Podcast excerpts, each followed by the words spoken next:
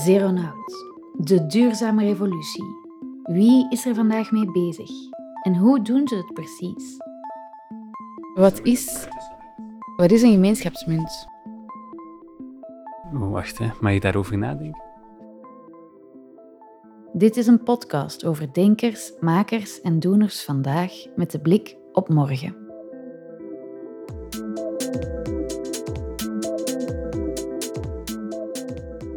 Kan geld een sociale rol spelen, een gemeenschap aangenamer, mooier of menselijker maken? Dat is alvast een vraag die centraal staat in het fenomeen gemeenschapsmunten. Op welke manier kan geld meer betekenen dan de eurobiljetten of een bankkaart in je binnenzak?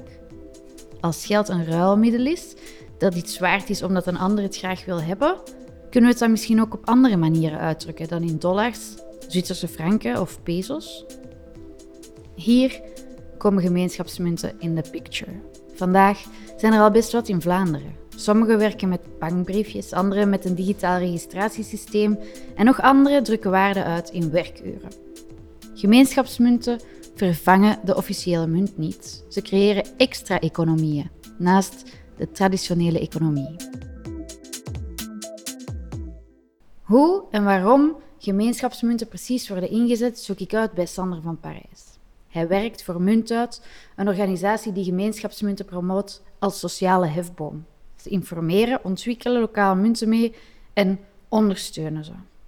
Dus nog eens, misschien even beginnen bij het begin. Wat is, wat is een gemeenschapsmunt? Oh, wacht, hè. mag je daarover nadenken? dus wat is geld? Um, dat is een vraag die mensen zich heel weinig stellen, omdat het zo evident lijkt. Um, soms wordt er wel gezegd van, kijk, we zijn een beetje gelijk vissen in een zee, als het over geld komt. Een vis, als je die vraagt van, wat is water, die gaat hoogstwaarschijnlijk niet weten, al zit hij er elke dag middenin. Dat is ook een beetje met geld zo. Dus vanaf dat je de vraag gaat stellen van wat is geld en mensen daarover gaat laten nadenken, dan komt dat vaak heel nieuw over voor mensen. Maar het is wel heel fundamenteel. Wat is geld eigenlijk? Geld is een afspraak. Ehm, een afspraak binnen een gemeenschap om iets te gaan gebruiken als betaal- of ruilmiddel. Dat is eigenlijk een heel simpele definitie, maar met heel belangrijke consequenties.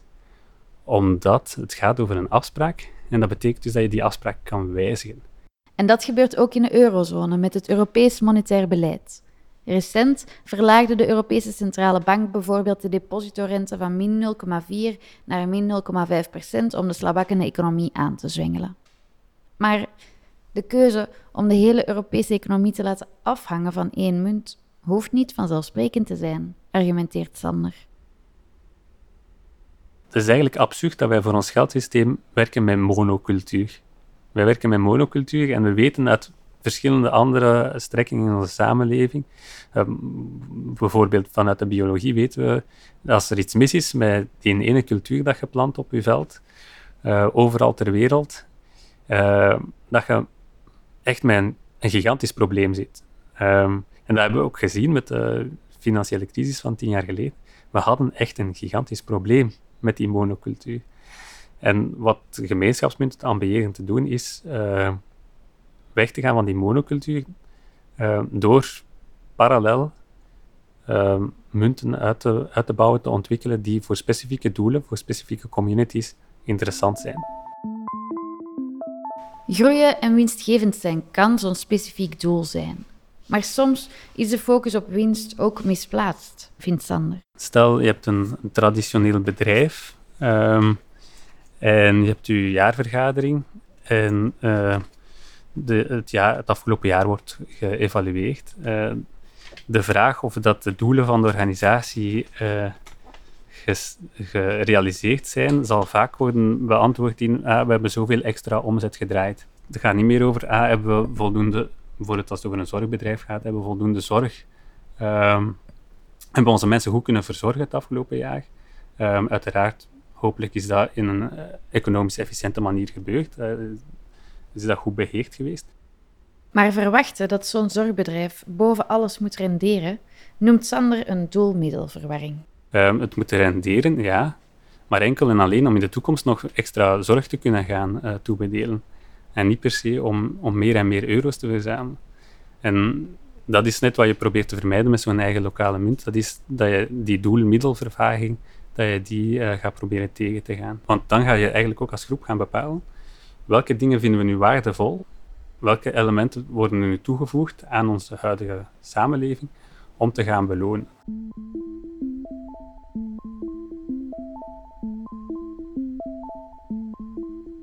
Dat gebeurt bijvoorbeeld in Roeselare rond de nieuwe munt Talento. Stijn Kottenier is drijvende kracht bij de Talento. In zijn dagelijks leven werkt hij bij Vrije Tijdsondersteuningscentrum Op Stap in Roeselare. En Stijn legt uit hoe dat werkt. Um, eigenlijk is, was, allee, is, was de, de, eerste opzet van een Talento eigenlijk een, uh, een contingent of een groep mensen te laten aansluiting vinden bij het sociaal netwerk in Roeselare. Mm -hmm. Heel praktisch, uh, de nieuwkomers uh, hebben best wel wat tijd en kunnen nog niet gaan werken, vinden moeilijke aansluiting. Dus door hen klussen, taken, opdrachten te laten doen in organisaties in het sociaal netwerk in Roeselare, gaan ze er deel van gaan uitmaken. Over wat voor opdrachten gaat het dan?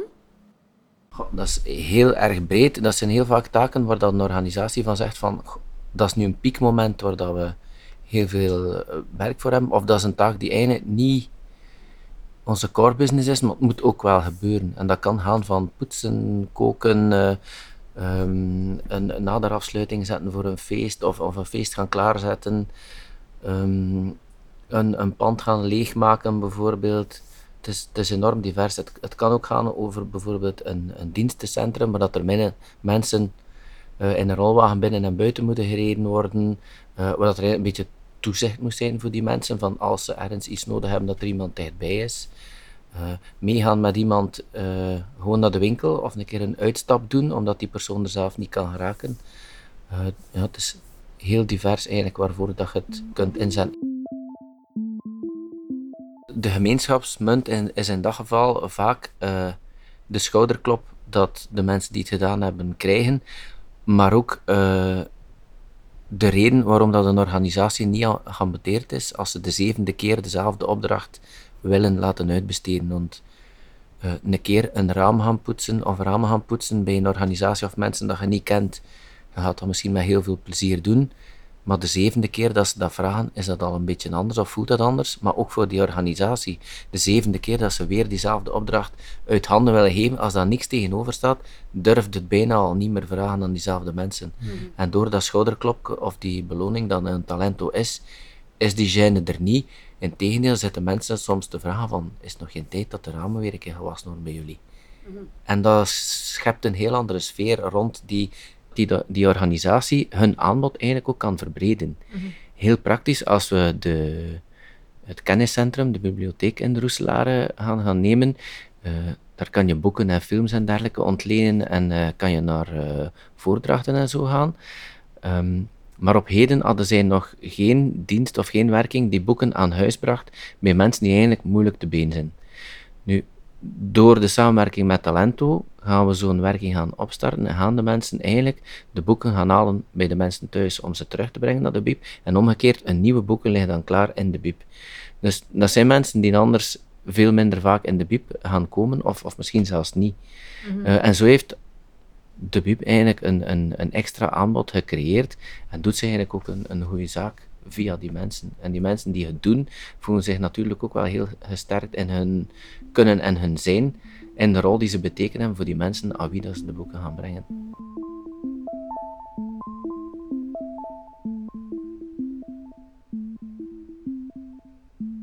Zoals Sander aanhaalde, is een gemeenschapsmunt een munt waar de regels worden gemaakt voor de gemeenschap.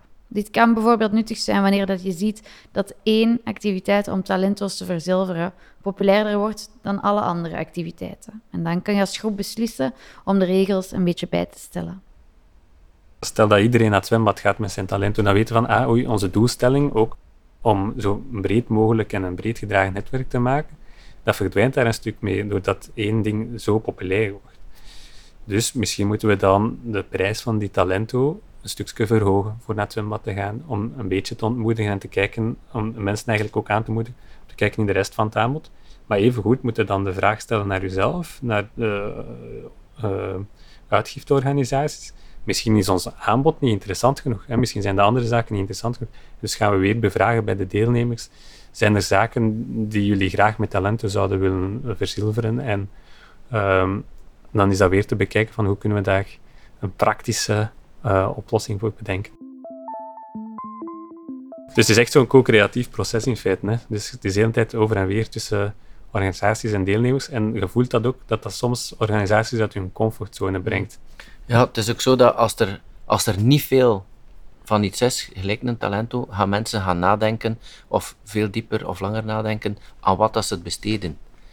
Dus als ze weten van ik kan gaan zwemmen met Talento en dat kost mij normaal 7 euro en op een andere plek krijg ik met mijn Talento een koffie bijvoorbeeld, ja, dat is niet gelijk en, en dat ziet iedereen. En als ik maar één of twee talentos heb, dan ga ik misschien snel rekenen van ja, ik ga toch niet die koffie pakken, ik ga dat ander pakken.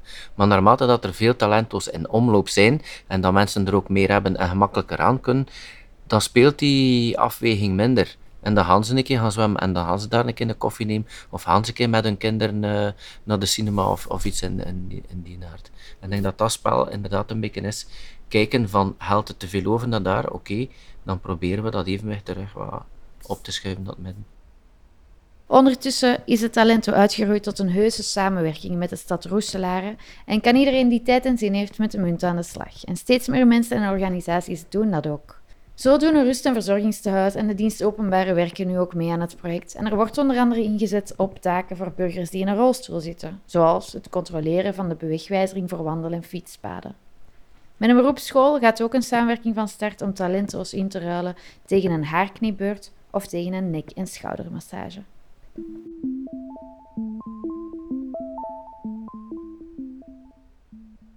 Soms heeft zo'n ander geldsysteem ook een persoonlijke impact.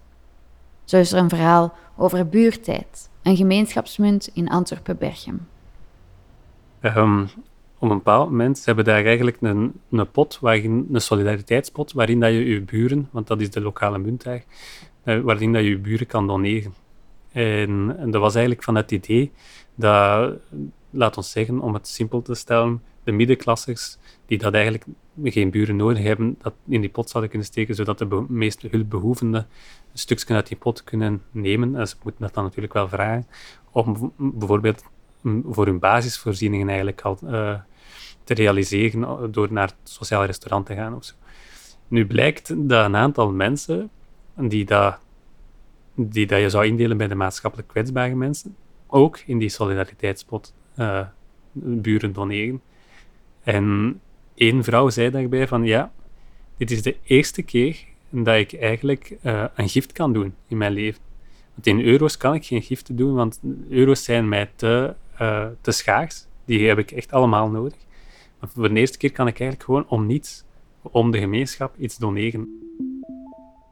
Ook in het buitenland worden gemeenschapsmunten steeds vaker ingezet. Van de Bangla in Keniaanse sloppenwijken tot de Londense wijkmunt Brixton Pound, waarvan het biljet van 10 met David Bowie's afbeelding erop uitgroeide tot een heus collectors item. Sander, is er een buitenlands voorbeeld dat je bijzonder inspireert? Je zou kunnen zeggen Sardex. Dat is een van de succesmunten vandaag in Europa. Um, Waar zitten die? In uh, Sardinië. Die zijn eigenlijk opgestart met de bankencrisis. Zijn, de, heel die economie op dat eiland lag helemaal in puin. En hebben eigenlijk een aantal uh, deelnemers, uh, een aantal burgers hebben besloten van wat als we nu in plaats van allemaal um, um, depressief te worden en niet weten hoe dat we zouden uh, kunnen de internationale markt bespelen. Wat, wat, als we nu eens al onze capaciteiten samengooien? En oké, er zijn geen euro's vandaag, maar moeten ons dat tegenhouden? Misschien kunnen we een parallel circuit openen. Dat hebben ze eigenlijk gedaan, want Sardinië had zijn productiecapaciteit.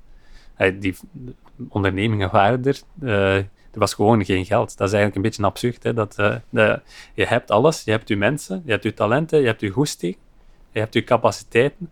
En toch uh, zou de economie niet marcheren omdat er geen geld toevallig is, omdat je in een eurosysteem zit. Dus zij hebben het absurde daarvan ingezien en zij hebben dan eigenlijk hun eigen munt opgestart. Op uh, die uh, tien jaar ondertussen, zijn ze echt gegroeid naar een munt waarbij dat de Sardijnse overheid zegt van ah, daar moeten we mee samenwerken, we moeten zelf met die Sardex aan de slag gaan. En dat de Italiaanse overheid vandaag zegt van ah, dat is wel interessant, zo'n parallel systeem naast de euro. Um, en nu zie je allerlei berichten opduiken in de kranten, ook in België, van ah, Italië wil experimenteren met een parallele munt naast de euro. Dat komt eigenlijk door dat succesverhaal in Sardinië.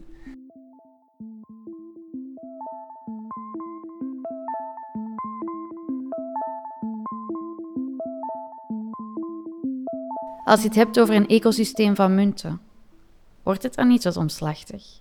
Wie is vragende partij voor een nog dikkere portefeuille in zijn achterzak? Nu, daar is eigenlijk al onderzoek naar gedaan uh, vanuit de Erasmus Universiteit in Rotterdam. En blijkt dat mensen heel gemakkelijk drie tot vijf muntsystemen kunnen beheren. Uh, als je zelf je portefeuille open doet, dan ga je eigenlijk zien dat er eigenlijk al verschillende systemen in zitten. Uh, Zoals? ja, ik, ik, kan natuurlijk niet in uw portefeuille kijken, maar ik veronderstel dat daar een bankkaart in zit. Ik veronderstel dat daar cash in zit. Ehm, Iets te weinig, maar. Oké. ik veronderstel dat daar misschien een kredietkaart in zit. Mhm. Ehm, dat zijn al drie verschillende geldsystemen die wel in euro's verrekend worden, maar eigenlijk technisch gezien echt iets anders zijn. We moeten daar nu niet op doorgaan, mm maar toont aan dat, ehm, dat we daar. Misschien heb je dan ook nog een klantenkaart in zitten, waar mhm. dat een aantal punten worden op verzameld. En een NMBS-treinkaart ook? En een NMBS-treinkaart. Dus uh, we zijn eigenlijk al vertrouwd met verschillende waarderingssystemen. En dus om daar nu een aantal al dan niet vrijwillig, eigenlijk vrijwillig aan toe te voegen, vanuit het perspectief van de deelnemer, dat gaat niet de grootste moeilijkheid zijn.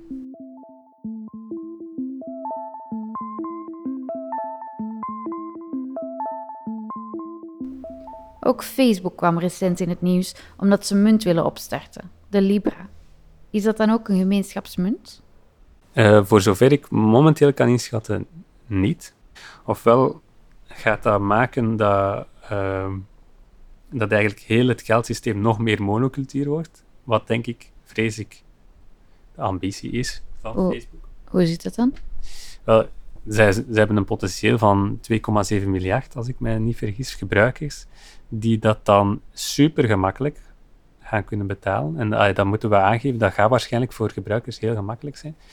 Maar dat is dan wel eigenlijk de Facebook Bank, Facebook en partners, die dat dan eigenlijk gaat, uh, dat betalingssysteem beheren en, en daar één uniform model gaat op uh, zetten, die dat dan door iedereen gaat gebruikt moeten worden. Dat is net niet wat wij bedoelen met uh, diversiteit, dat is net wat we bedoelen uh, dat. En wat nog meer redenen geeft om, om het systeem te wantrouwen, hoewel dat we moeten voorzichtig zijn, dat is dat de Libra gedekt wordt door een korf van conventionele munten. Dat betekent dat het volledig gekoppeld is aan het huidige geldsysteem. We moeten daar niet als maatschappij van verwachten dat dat het geldsysteem op zijn kop gaat zetten. Ik denk dat als, er dan, um, als het dan disruptief zou zijn, zoals sommige mensen zeggen, dan is het eigenlijk disruptief omdat het de machtsverhoudingen binnen het huidige systeem gaat omgooien. Dus banken, denk terecht, hebben schrik van, van Facebook uh, en hun plannen. Um, maar wat we gaan zien is, als het effectief zo succesvol wordt en als het effectief uh, zo gaat uitrollen, gaan we gewoon zien dat die machtsverhoudingen veranderen in het betaal, uh, in de economie van de betalingssystemen, laten we zeggen. Um, maar dat het geldsysteem aan zich niet zal veranderd zijn. -hmm. Dus vandaag Jullie pleiten voor... Van, dat ik denk dat het waarschijnlijk geen gemeenschapsmunt zal worden en dat het niet zo zal zijn dat de community gaat kunnen afspraken maken over hoe, dat ze, dat, hoe dat, ze dat geldsysteem gaan uitbaten. En dat is niet ongevaarlijk, denkt Sander. Historisch gezien hebben we wel, als je echt kijkt van, van uh, het oude Egypte, Rome tot, tot en met nu, zien we dat um, de mensen, de organisaties, die dat het geldsysteem in handen hadden, ook degene waren die dat de machtsfuncties in handen hadden. En dat is natuurlijk wel, als je zo'n megasysteem gaat creëren, dat eigenlijk alle overheden, zelfs de grootste overheden, China en Amerika, gaat overstijgen, dan kunnen we ons wel natuurlijk ook democratische vragen gaan stellen. Ik stel de Wie gaat hen, wie gaat hen controleren? Ja. Ik weet de Controleren. Ja. Ik weet de antwoorden nog niet, hè, maar het, is toch wel een vraagstuk dat ons gaat moeten bezighouden de komende jaren, denk ik.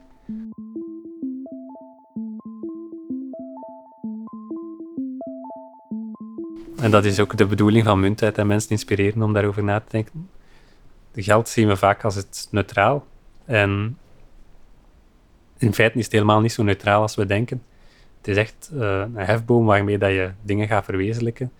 Ehm, degene die dat in handen heeft, heeft eigenlijk een zekere macht. En dat proberen we te democratiseren bij de projecten die dat wij ondersteunen. Ehm, dus ja, het zou goed zijn als we de komende vijf à tien jaar erin slagen om meer en meer mensen ehm, notie te geven van het feit dat dat geld niet zomaar gegeven is en dat je daar eigenlijk andere regels en andere afspraken rond kunt maken. Gemeenschapsmunten. Enerzijds is het een abstract verhaal van complexe ecosystemen versus een monocultuur, van beleidsmakers en sociale of ecologische doelstellingen. Maar gemeenschapsmunten zijn ook de opgetelde individuele verhalen van de gebruikers, van de verbondenheid tussen buren die bij elke transactie steeds een beetje groter wordt, of het verhaal van lokale economische weerbaarheid, zoals bij de Sardex in Sardinië. Ik denk dat gemeenschapsmunten mij nog het meest inspireren, omdat ze mogelijk maken om waarde toe te kennen aan dingen die vandaag als economisch waardeloos gezien worden, maar waarvan iedereen weet dat we, omdat we mens zijn en geen robot, ze diep van binnen waardevol vinden. Hoe economisch onrendabel een bib aan huis ook is, of buddy worden van een nieuwkomer, het lijkt maar juist dat we een systeem ontwikkelen om onze waardering daarvoor te kunnen uitdrukken. En dat we de lokale economie mee steunen. Dat is mooi meegenomen.